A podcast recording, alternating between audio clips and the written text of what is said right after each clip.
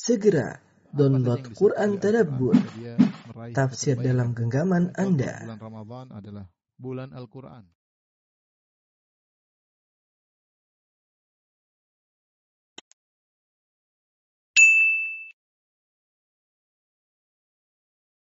Bismillahirrahmanirrahim. Assalamualaikum warahmatullahi wabarakatuh. Alhamdulillahi ala ihsani wa syukru lahu ala taufiqihi wa amtinani wa asyhadu an la ilaha illallah wahdahu la syarika lahu ta'ziman li sya'ni wa asyhadu anna Muhammadan abduhu wa rasuluhu da'ila ridwani. Allahumma salli alaihi wa ala alihi wa ashabihi wa ikhwani. Uh, rekan-rekan sekalian di Muscat maupun di mana pun Anda berada. Kembali lagi kita membahas eh, ilmu yang sangat agung, yang sangat penting disebut dengan asyraful ulum, ilmu yang paling termulia karena syaraful ilmi bi syarafi ma'lumihi. Kemuliaan suatu ilmu uh, sesuai dengan kemuliaan yang diilmui. Sementara kita sekarang sedang membahas tentang nama-nama Allah dan sifat-sifat Allah yang terkandung dalam nama-nama tersebut. Dan tidak ada yang lebih mulia daripada Allah. Oleh karenanya ilmu tentang al-asmaul husna adalah ilmu yang termulia dengan memahami ilmu al-asma al-husna maka akan pengaruhi kehidupan seorang eh, cara ibadahnya, ketakwaannya dan yang lainnya. Nah, kita akan masuk pada nama yang baru, nama Allah Subhanahu wa taala. Uh,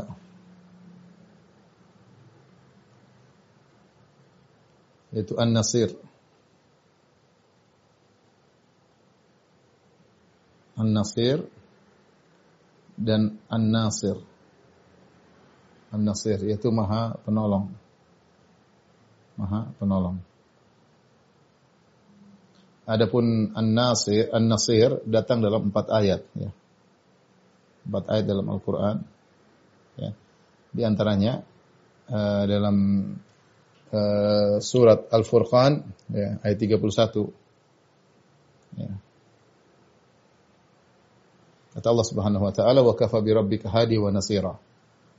Wa kafa bi rabbika hadiyan wa nasira. Cukuplah, berarti cukuplah, ini cukuplah. Allah sebagai petunjuk bagimu dan cukuplah Allah sebagai penolongmu. Allah sebagai sebagai penolongmu. Uh, ini mirip juga dalam surat An-Nisa ayat 45. Uh, sama mirip surat An-Nisa ayat 45. Kata Allah Subhanahu wa taala, "Wa kafa billahi waliyan wa kafa billahi nasira." Wa kafa billahi nasira. Wa kafa billahi nasira. Sama, cukuplah. Wa kafa artinya cukuplah. Cukuplah Allah sebagai penolongmu. Kemudian uh, yang berikutnya, yang ketiga dan keempat, datang dengan lafal nikma, sebaik-baik. Kata Allah, Ni'mal maula wa ni'man nasir dalam surat Al-Anfal ayat 40. 8 ayat 40 kata Allah wa ni'man nasir. Ni'man nasir. Sebaik-baik penolong. Allah sebaik-baik penolong. Kemudian ayat yang keempat uh, dalam surat Al-Hajj uh, wa'tasimu billahi huwa maulakum berpegang teguhlah kepada Allah Subhanahu wa taala dialah maula kalian yaitu pengurus kalian. Fa ni'mal maula wa ni'man nasir. Sama wa ni'man nasir. Ini juga dalam surat Al-Hajj uh, ayat 78 22 ayat 78 sama ni'man nasir. Itu sebaik-baik penolong.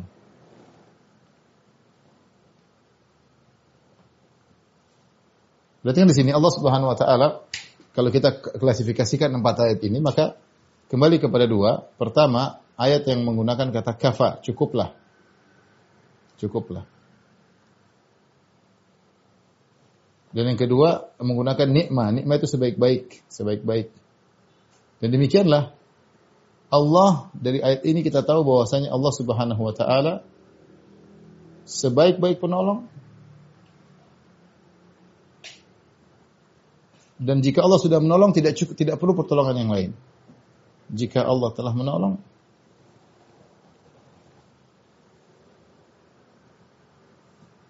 maka cukup. Tidak butuh yang lain. Tidak butuh penolong lain.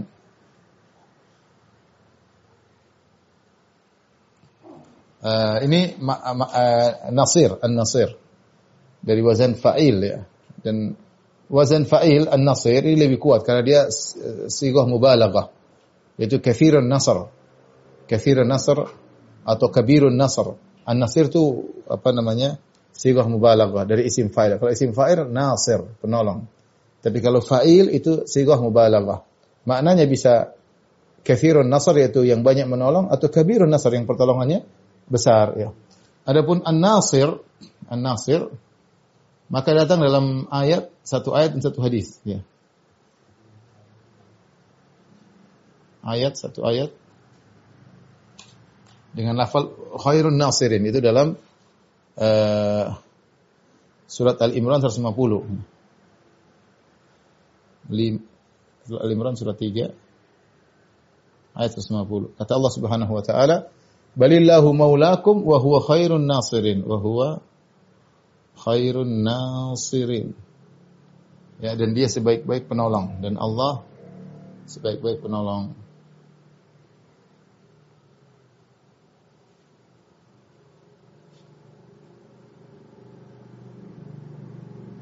Ini dalam uh, Al-Qur'an ya Allah Allah uh, khairun nasirin dan makanya kalau kita lihat orang-orang yang bernama ta'bid kepada nama An-Nasir maka kita dapati dua nama, ada Abdul Nasir, ada Abdul Nasir, tapi kebanyakan orang menamakan dengan Abdul Nasir. Abdul Nasir ya. E, padahal dalam Al-Qur'an yang paling sering disebutnya adalah An-Nasir dan An-Nasir lebih kuat di isim e, sigah mubalaghah di ismil fa'il. Itu menunjukkan lebih kuat ya. Seperti kalau e, apa namanya? Dia bilang darib, darib artinya orang yang mukul. Tapi kalau darab tukang pukul. Suka mukul. Jadi berulang-ulang perbuatannya. Nasir adalah isim isigah mubalaghah. Taib dalam hadis ada pun dalam hadis datang dalam dua uh, datang dalam dua hadis.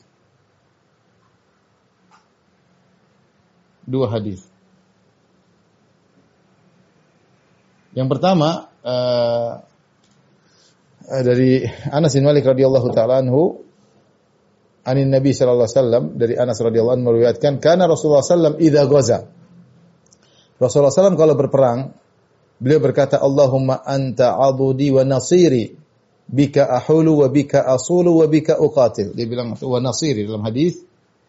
Wa nasiri. Engkau adalah penolongku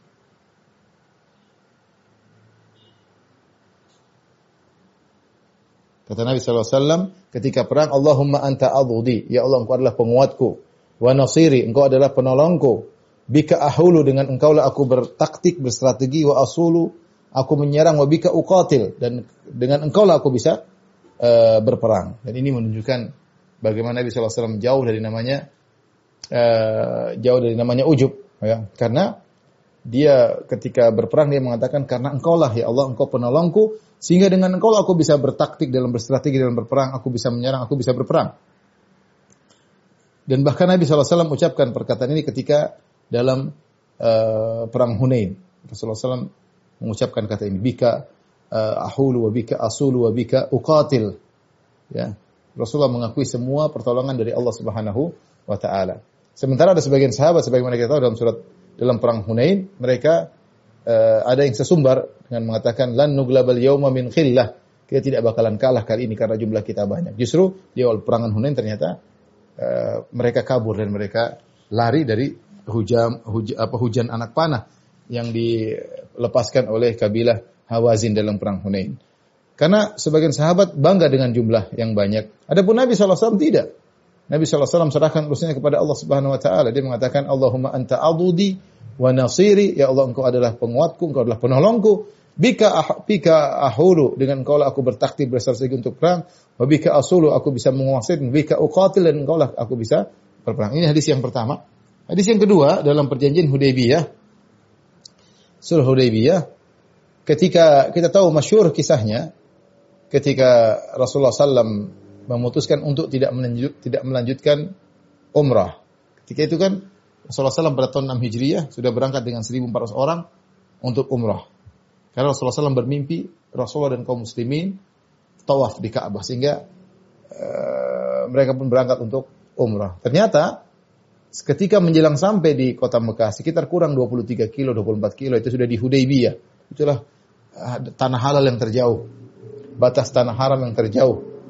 Ketika itu uh, uh, tiba-tiba orang-orang musyrikin menghadang, kemudian mereka mengutus Suhail bin Amr uh, sampai akhirnya mereka membuat perjanjian yang sangat tidak menyenangkan bagi kaum muslimin disebut dengan perjanjian Al-Hudaybiyah. Subhanallah, perjanjian Hudaybiyah yang Zahir dari perjanjian tersebut bahwasanya kaum muslimin dirugikan. Kenapa? Karena dalam isi perjanjian tersebut kaum muslimin harus batal umrah dan harus pulang ke Madinah untuk umrah tahun depan. Mereka sudah jalan 400 kilo lebih. Sudah di penghujung. Tiba-tiba dilarang oleh orang musyrikin dan disuruh pulang dan boleh berumrah tahun depan. Yang kedua, kalau ada orang muslim yang kabur dari kota Madinah lari ke Mekah maka tidak boleh dikembalikan ke Madinah.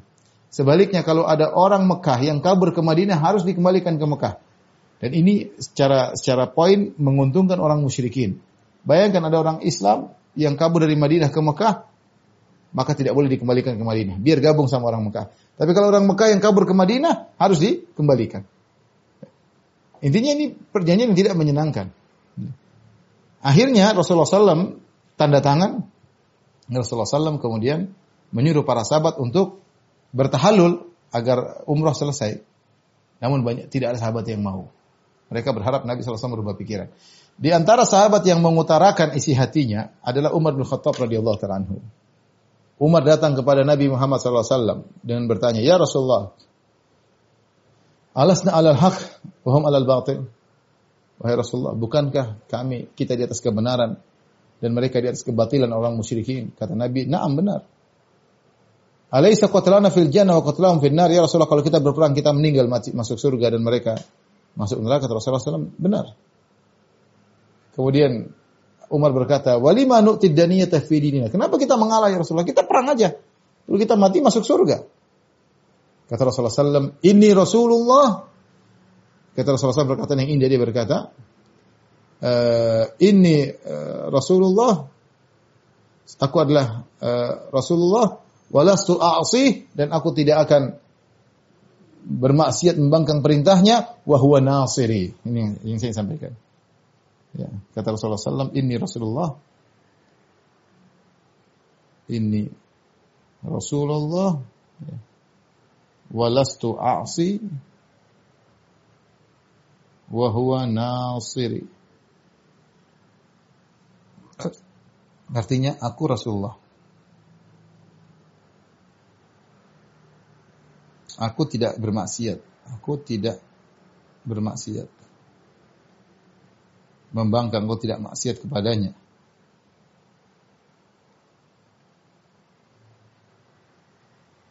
Allah menolongku. Allah akan menolongku. Subhanallah. Rasulullah ajarkan kepada kita Rasulullah bilang, Allah akan menolong saya. Kenapa? Karena aku tidak bermaksud kepadanya. Aku menjalankan perintah Allah dan aku tidak membanggang perintah Allah. Dan Allah pasti akan menolongku. Dan benar, ternyata Allah menolong Nabi Shallallahu Alaihi Wasallam. Yang perjanjian tersebut yang kenyataannya seakan-akan merugikan kaum muslimin, ternyata menguntungkan kaum muslimin. Sampai Allah menamakannya dengan fathan mubina. Inna fatahna laka fathan mubina. Semuanya akan berikan kepada engkau, wahai Muhammad, kemenangan yang besar. Allah menolong Nabi meskipun setelah itu. Meskipun jauh setelah ternyata dua tahun setelah perjanjian Hudaybiyah kemudian terjadi Fatuh Makkah. Dan ini sudah pernah kita bahas dalam pembahasan tersendiri. Jadi intinya, subhanahu wa ta'ala, inilah ayat-ayat dalam Al-Quran yang menyebut tentang nama An-Nasir atau An-Nasir dan juga dalam hadis datang dalam hadis wa huwa nasir wa nasiri wa nasiri dan dalam hadis yang lain wa huwa nasiri. Jadi datang dalam dua konteks An-Nasir dan An-Nasir. Dan dua-duanya boleh. Taib. Apa makna An-Nasir? An-Nasir atau An-Nasir kembali kepada uh, sifat yaitu nusrah. Itu membeli pertolongan. Ya. Membeli pertolongan. Saya bacakan perkataan para ulama tentang makna An-Nasir. Al-Asfahani berkata, An-Nasir wa An-Nasir bimaknan. An-Nasir dan An-Nasir maknanya sama. Wa maknahu yansurul mu'minina ala a'daihim wa yuthabbitu aqdamahum inda liqa'i aduwihim. Allah menolong kaum mukminin atas musuh-musuhnya. Dan Allah mengkokohkan kaki-kaki mereka ketika bertemu dengan musuh. Ya. Wa yulqir ru'ba ru'ba fi qulubi aduwihim. Dan Allah melemparkan rasa takut dalam hati hati musuh mereka. Jadi Allah mengkokohkan kaum muslimin dan uh, menolong kaum muslimin atas musuh. Ya. Al-Halimi berkata, An-Nasir huwal muyassir lil ghalabah. An-Nasir maknanya yaitu zat yang memudahkan untuk memenangkan, untuk mengalahkan. Ya. Wan Nasir huwal mawthuqu minhu bi an la yuslim waliyahu wa la yakhdhuluhu. Ya. Yuslim yuslima waliyahu wa la. An-Nasir yaitu seorang yakin yang dipercaya bahwasanya Allah tidak akan menyerahkan uh, walinya dan Allah tidak akan meninggalkan. Allah pasti menolong. Itu namanya An-Nasir. Uh, Al-Khatib Al-Khattabi berkata An-Nasir yansuru ibadahul mu'minin yaitu zat yang menolong hambanya orang yang beriman. Intinya ini maknanya secara bahasa kita ngerti An-Nasir. An-Nasir artinya maha maha penolong, maha penolong kaum muslimin di atas musuh-musuhnya, mengkokohkan kaum muslimin dalam pertempuran. Ini semua makna An-Nasir. Taib ikhwan dan akhwat yang rahmatillah subhanahu wa ta'ala. Ya. Uh, ini makna uh, An-Nasir ya dan An-Nasir. Tapi tentunya syarat agar kita mendapatkan pertolongan.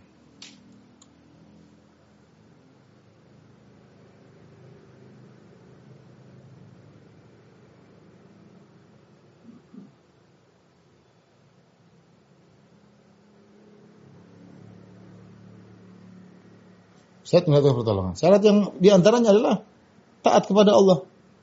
Ini syarat utama. Ya. Ini tidak maksiat kepada Allah.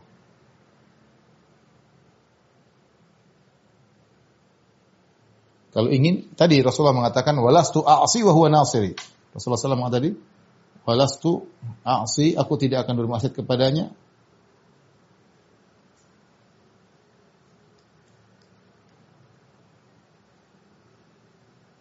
Walastu a'asi wa huwa nasiri. Tadi sudah kita sebut hadisnya. Kata Rasulullah SAW, aku tidak akan maksiat kepadanya dan dia akan menolongku. Kalau seorang bermaksiat maka tidak akan ditolong. Contoh, contoh, kaum muslimin kalah. Contoh, kaum muslim muslimin kalah karena maksiat.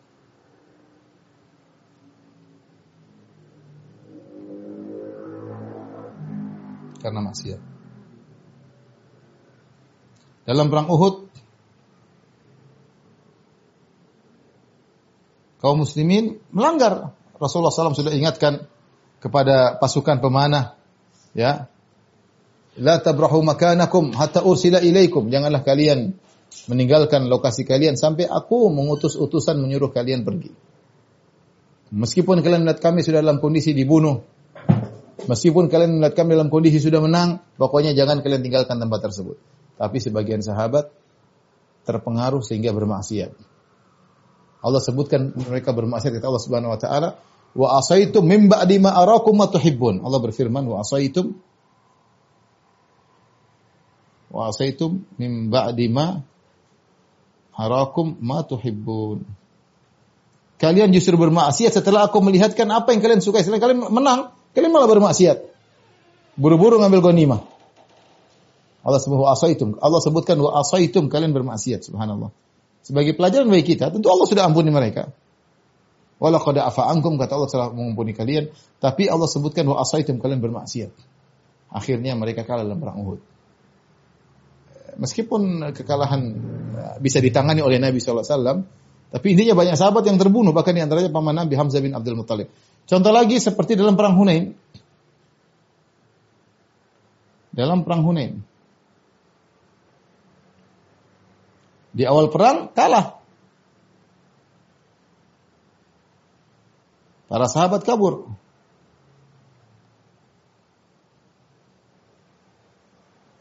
Ya, kenapa? Karena ujub. Karena ujub. Allah Subhanahu wa taala berfirman dalam surat At-Taubah, "Laqad nasarakumullahu fi mawatin katsirah." Sungguh kami telah Allah telah menolong kalian dalam banyak peperangan. Wa yauma Hunainin id a'jabatkum kasratukum. Subhanallah Allah mengatakan wa yauma Hunaini id a'jabatkum a'jabatkum kasratukum. Ketika perang Hunain kalian bangga dengan jumlah banyak kalian. Wa dhaqat alaikumul ardu bima rahabat thumma wallaitum mudbirin. Kalian bangga dengan jumlah kalian ternyata kalian diserang dan kalian kabur. Kata Allah, "Tsumma wallaitum mudbirin," kemudian kalian kabur. Yang bertahan Nabi SAW ketika itu. Nabi dengan gagahnya berkata, "Ana nabiyyu la kadhib, ana ibnu Abdul Muttalib." Aku adalah nabi yang tidak ada berdusta dan aku adalah cucu Abdul Muttalib. Bahkan Nabi semakin maju ke arah arah musuh. Kemudian Rasulullah SAW bisa menangani kekalahan tersebut dengan mengingatkan mereka kepada Allah Subhanahu wa taala.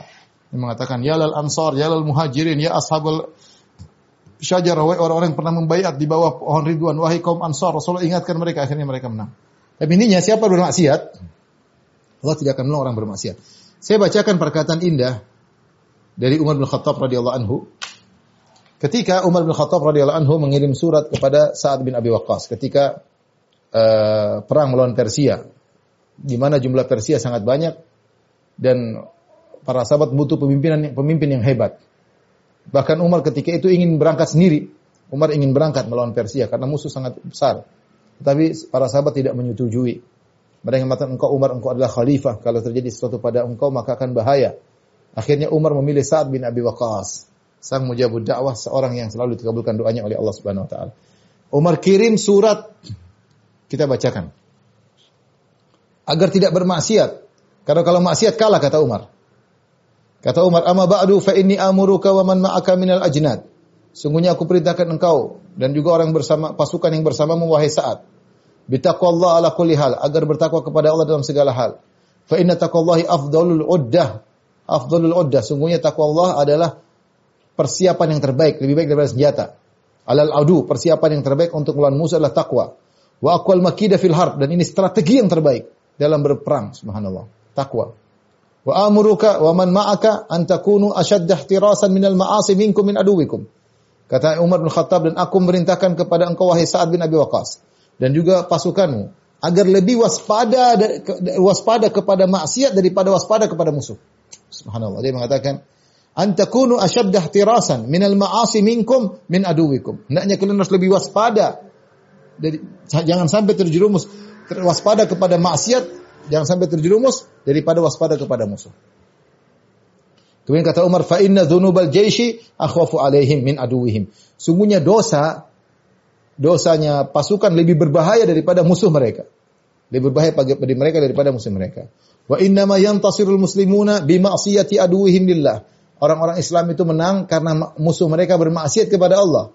Walaula dzalika lam takun lana bihim quwwah. Kalau bukan karena hal tersebut, karena maksiatnya musuh, kita menang. Kalau bukan karena hal itu, kita tidak bisa lawan mereka. Kalau kita kembali kepada sebab materi fisik, secara fisik kita nggak bakalan menang kata Umar. Tapi kenapa jumlah mereka yang banyak, jumlah kita sedikit, kok kita bisa menang? Karena ini bermaksiat kita tidak. Karena musuh bermaksiat kita tidak. Lianna adadana laisa ka adadim karena jumlah kita lebih jauh lebih sedikit daripada jumlah mereka.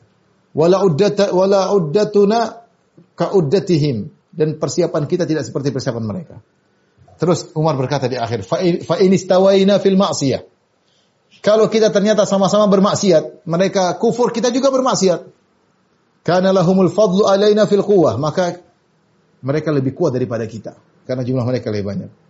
Wa illa lam nansur lam nunsur alaihim bi fadlina. Ketahuilah kita tidak menang karena jumlah kita wala nablughum walam nablughum bi quwwatin dan kuat kita tidak kekuatan kita tidak akan bisa mengimbangi kekuatan mereka. Sini perkataan ini dari Umar Umar mengatakan bahwasanya yang paling bahaya maksiat bagi pasukan. Lebih bahaya daripada musuh Ya, karena kaum muslimin menang tidak pernah karena jumlah tapi karena ketakwaan. Karena musuh bermaksiat. Uh, ternyata Umar bin Khattab juga mengirim surat juga kepada Abu Ubaidah bin Jarrah dengan makna yang mirip, ya. Dia mengatakan salamun alaika fa inni ahmadu ilaika Allah alladzi la ilaha illahu. Selamat assalamualaikum wahai Abu Ubaidah bin Jarrah. Sungguhnya aku muji Allah kepadamu yang tidak ada sembahan yang berhak disembah kecuali Allah. Amma ba'du faqad atani kitabuka wa fahimtu ma dzakarta fihi minal ihlakillahil musyrikin. telah datang suratmu kepadaku dan aku paham tentang apa yang kau sebutkan di mana Allah telah mengalahkan orang musyrikin. Wa nasrihil mu'minin dan Allah telah menolong kaum mukminin. Wa ma sana Allahu li awliyaihi wa ahli ta'atih dan apa yang telah Allah anugerahkan kepada wali-walinya dan orang-orang taat kepadanya. Fahmadullah ala sani'ihi ilaina. Aku muji Allah atas anugerah yang dia lakukan yang dia berikan kepada kita. Wastatimmal wastatammallahu dzalika bi syukrihi. Wastatimmallaha dzalika bi syukrihi. Hendaknya kalian terus bersyukur kepada Allah agar Allah semakin menyempurnakan karunia-Nya. Summa alamu. Ini berkata kata Umar. Summa alamu annakum lam tadhharu ala aduwikum bi adat. Ketahuilah wahai Abu Ubaidah. Kalian tidaklah menang mengalahkan musuh-musuh kalian karena jumlah kalian. Wala uddah, kalian juga tidak menang karena jagonya uh, karena kuatnya per, per, persiapan kalian. Wala haul wala quwah dan kalian juga tidak menang bukan kalian menang bukan karena daya dan upaya kalian. Walakinnahu bi aunillah, tapi kalian menang karena pertolongan Allah. Wa nasrihi dan karena dan bantuan Allah wa minnahi wa mannihi wa fadlihi dan karena karunia Allah dan eh, kemuliaan Allah Subhanahu wa taala. Jadi, ini perkara yang penting bahwasanya kemenangan itu ya syaratnya tidak boleh bermaksiat kepada Allah. Kalau maksiat maka kemenangan bisa di, dicabut oleh Allah Subhanahu. Yang kedua, uh, agar agar Allah berikan pertolongan, kita menolong Allah.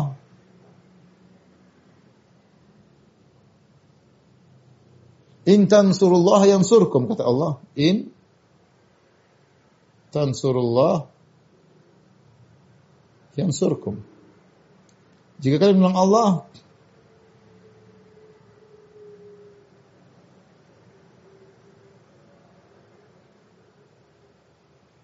niscaya Allah menolong kalian.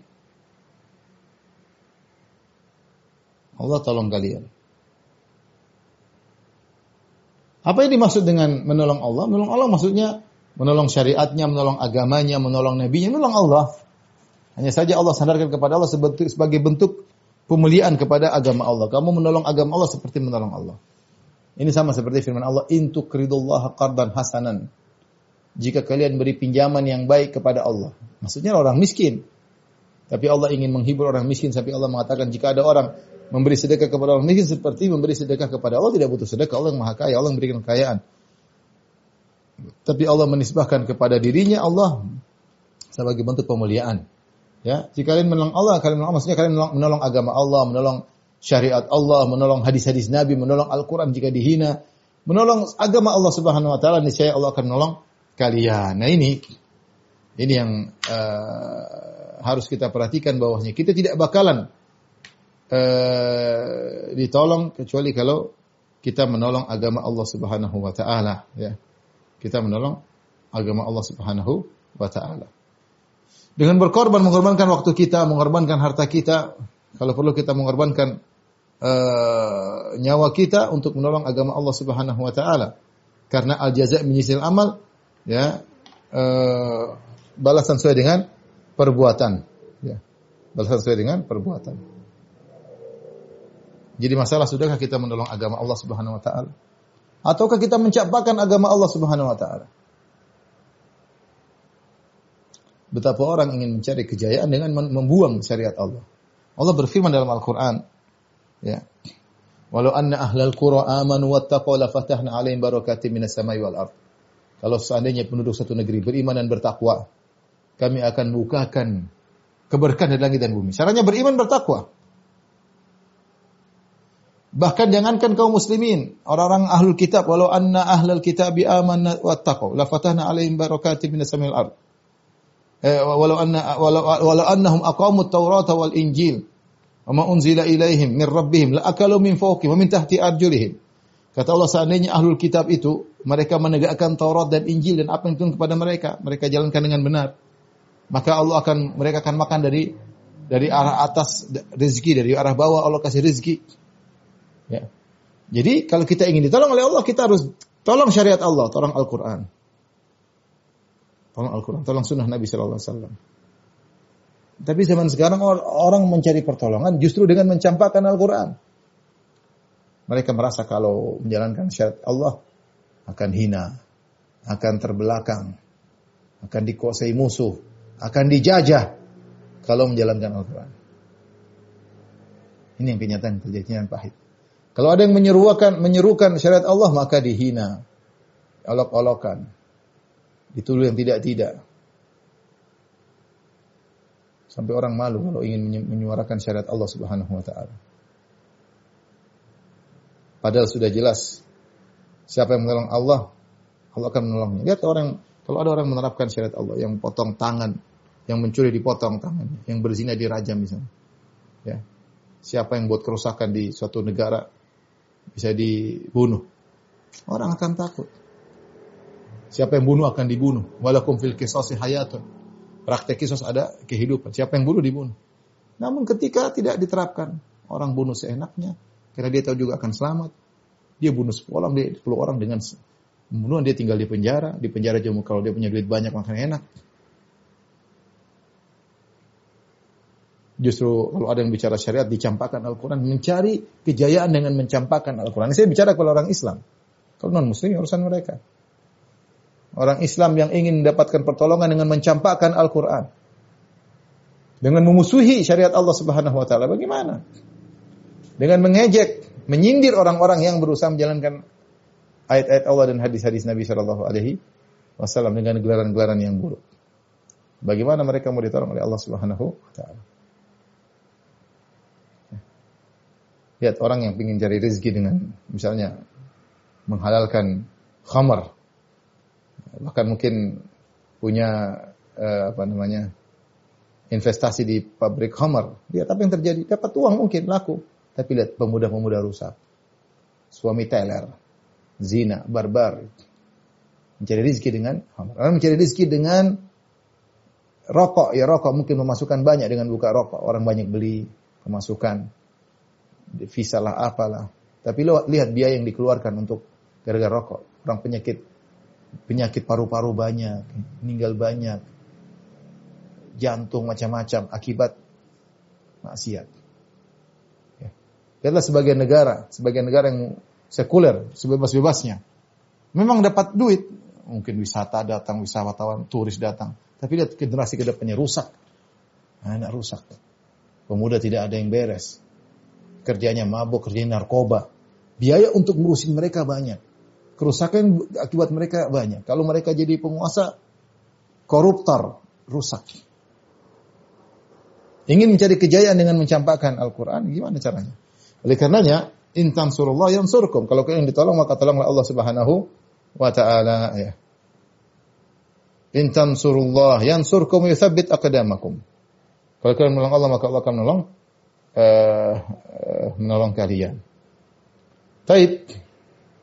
Dari sini ikhwan dan akhwat yang hati Allah Subhanahu wa taala mungkin sudah terbetik dalam benak kita ya kenapa pertolongan terlambat datang. Kenapa pertolongan terlambat? Terlambat. Itu banyak sebab pertolongan terlambat datang. Ya, mungkin kalau saya tulis kenapa pertolongan banyak terlambat datang.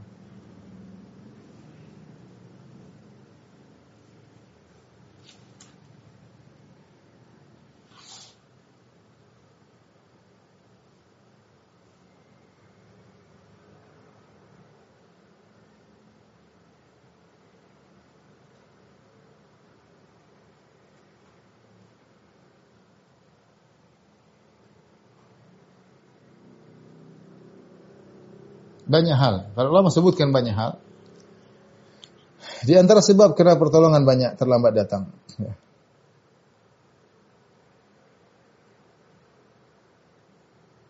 Bisa jadi, ya. bisa jadi karena iman kurang sempurna.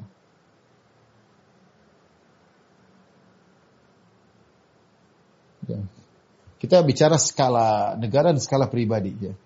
Ini skala skala apa namanya uh, negeri dan person. Mungkin kita bicara skala negeri, kita bicara diri kita sendiri. Kenapa Allah tidak menolong kita? Kenapa Allah tidak menolong saya? Mungkin saya bermasalah. Mungkin saya masih bermaksiat, masih tidak uh, tidak sempurna ya. ya. Atau bisa jadi Allah menunda pertolongan. Karena apa? Karena untuk menguji. Sehingga menambah iman. Bisa. Jadi ketika pertolongan belum datang, maka seorang berusaha dan berusaha dan berusaha. Lihat bagaimana Rasulullah SAW akhirnya menguasai kota Makkah setelah berapa tahun? Setelah 13 tambah 8, setelah 21 tahun. Situlah puncak-puncak keimanan sahabat luar biasa setelah mereka melewati perjuangan yang banyak. Rintangan, hambatan, ya. Tapi nanti ujungnya wal akibatul muttaqin. Ya, bahwasanya kesudahan yang baik bagi orang yang yang bertakwa. Jadi untuk menguji sehingga menambah uh, iman itu di antaranya, ya. Agar terlihat di antaranya faedah yang ketiga kenapa ditunda pertolongan agar jelas mana yang imannya benar dan mana yang munafik.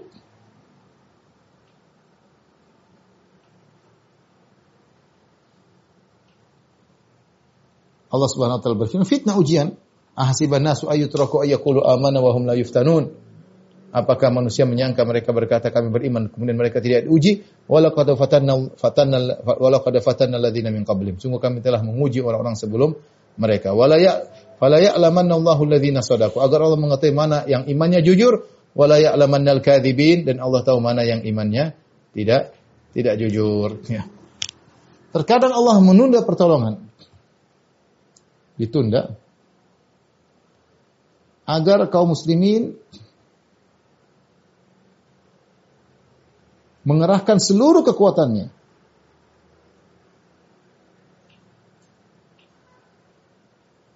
Seluruh kekuatannya.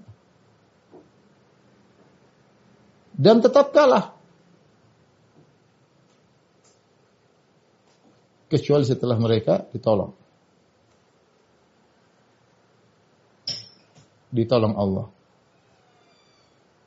Buat apa demikian? Agar mereka tahu bahwasanya pertolongan itu bukan karena kekuatan, tapi karena Allah. Lihatlah perang Hunain. Sudah dengan kekuatan yang banyak ternyata kalah di awal. Supaya mereka sadar bahwasanya kemenangan bukan dari kekuatan mereka. Jadi Allah tunda berperang, berperang, kalah dan kalah. Ketika mereka sudah habis seluruh, seluruh kekuatannya tiba-tiba Allah tolong agar mereka tahu pertolongan dari Allah Subhanahu wa taala ya. Agar mereka sadar ya Eh, kemenangan hanyalah dari Allah Subhanahu wa taala. Di antara terkadang uh, ditunda kemenangan agar umat semakin dekat dengan Allah. Kalau mereka menang-menang terus mereka mungkin lupa, tapi mereka di apa di, di, di, diuji diuji sehingga mereka mereka tunduk semakin beribadah kepada Allah semakin suci semakin dekat hati mereka kepada Allah Subhanahu wa taala ya dan mereka semakin tulus dalam berjuang agar menegakkan kalimat Allah Subhanahu wa taala. Ini di antara hikmah-hikmah yang disebut oleh para ulama kenapa pertolongan terlambat terlambat datang. Ini kita bicara skala negara ataupun negara skala person masing-masing masing-masing kita ya. Sekarang kita tidak berhasil kecuali di akhir titik penghabisan. Setelah kita kerahkan semuanya kita tidak berhasil. Kita angkat tangan kita berhasil. Ya, kita sadar bahwasanya ternyata kemenangan itu dari Allah Subhanahu wa taala, keberhasilan dari Allah bukan dari kekuatan dari otak kita, bukan kecerdasan kita, tapi dari Allah Subhanahu wa taala. Baik, yang terakhir kita akan bahas adalah tentang uh, faedah beriman tentang nama Allah ya. Faedah mengimani nama Allah An-Nasir.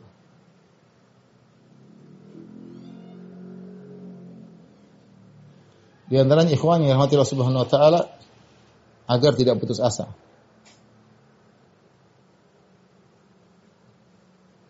Allah pasti menolong.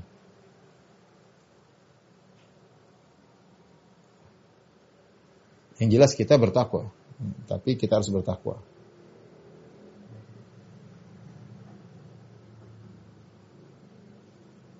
Tetap agar tetap husnuzon.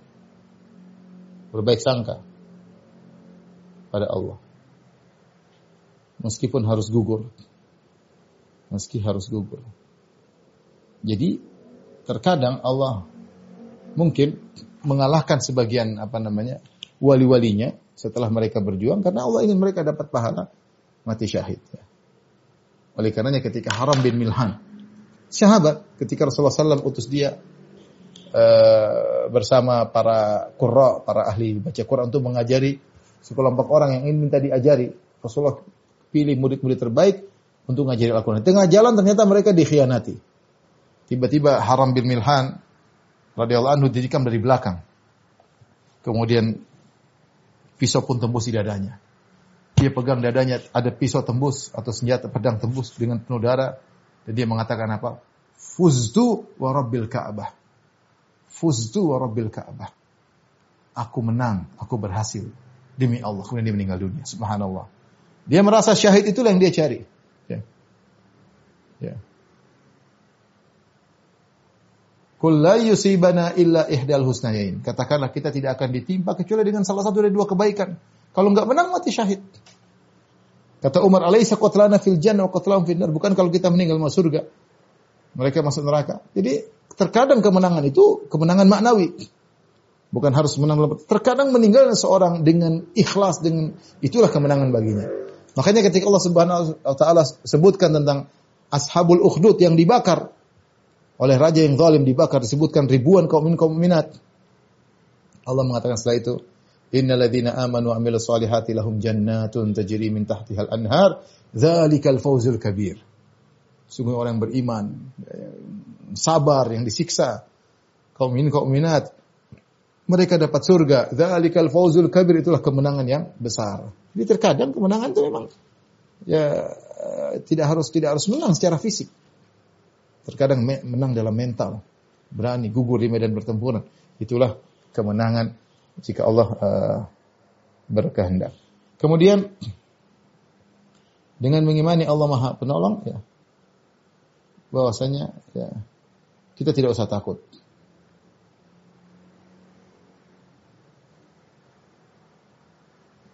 Kita yang peroleh ihdal kun la yusibana illa ihdal husnayin. Ihda al-husnayain tadi saya sudah sebutkan. Salah satu dari dua kebaikan.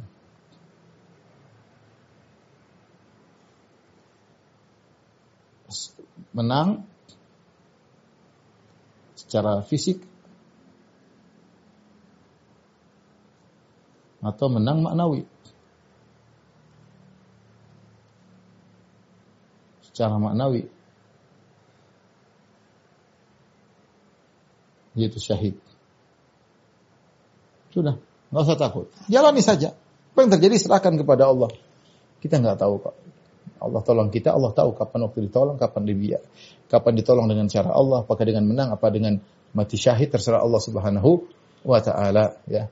Karena kita tahu Allah maha, uh, maha uh, penolong.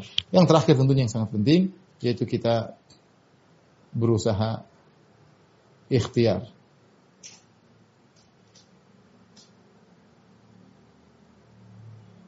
ikhtiar menolong agama Allah. Agar kita ditolong. Cepat atau lambat. Ya. Uh, cepat atau lambat. Dengan cara pertolongan Allah ya. Dengan cara Allah Subhanahu wa taala. Nabi bersabar sampai 13 tahun sama 8 tahun 21 tahun baru kemudian Nabi SAW bisa kembali menaklukkan kota yang pernah uh, mengusirnya. Satu lagi mungkin disebutkan, ya, kita tambahkan, jangan pernah mendolimi orang.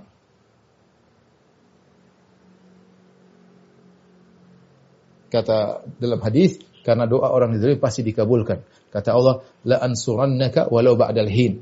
Aku akan menolong engkau wahai orang yang terzalimi meskipun tidak saat ini. Cepat atau lambat aku akan menolongmu. Maka hati-hati kita dolimi orang Mungkin 10 tahun yang lalu berdoa, kita baru kena batunya 10 tahun kemudian. Allah tidak langsung balas terkadang. Terkadang langsung balas, terkadang tidak. Maka jangan kita mendolimi orang karena dia ditolong oleh Allah. Orang terdolimi ditolong oleh Allah Subhanahu wa taala. Demikianlah uh, ikhwan, rekan-rekan yang rahmatillah Subhanahu wa taala tentang makna an-nasir semoga uh, bermanfaat. Allah alam bisawab demikian saja apa yang saya sampaikan. Kurang bisa maaf. Wabillahi taufiq Assalamualaikum warahmatullahi wabarakatuh.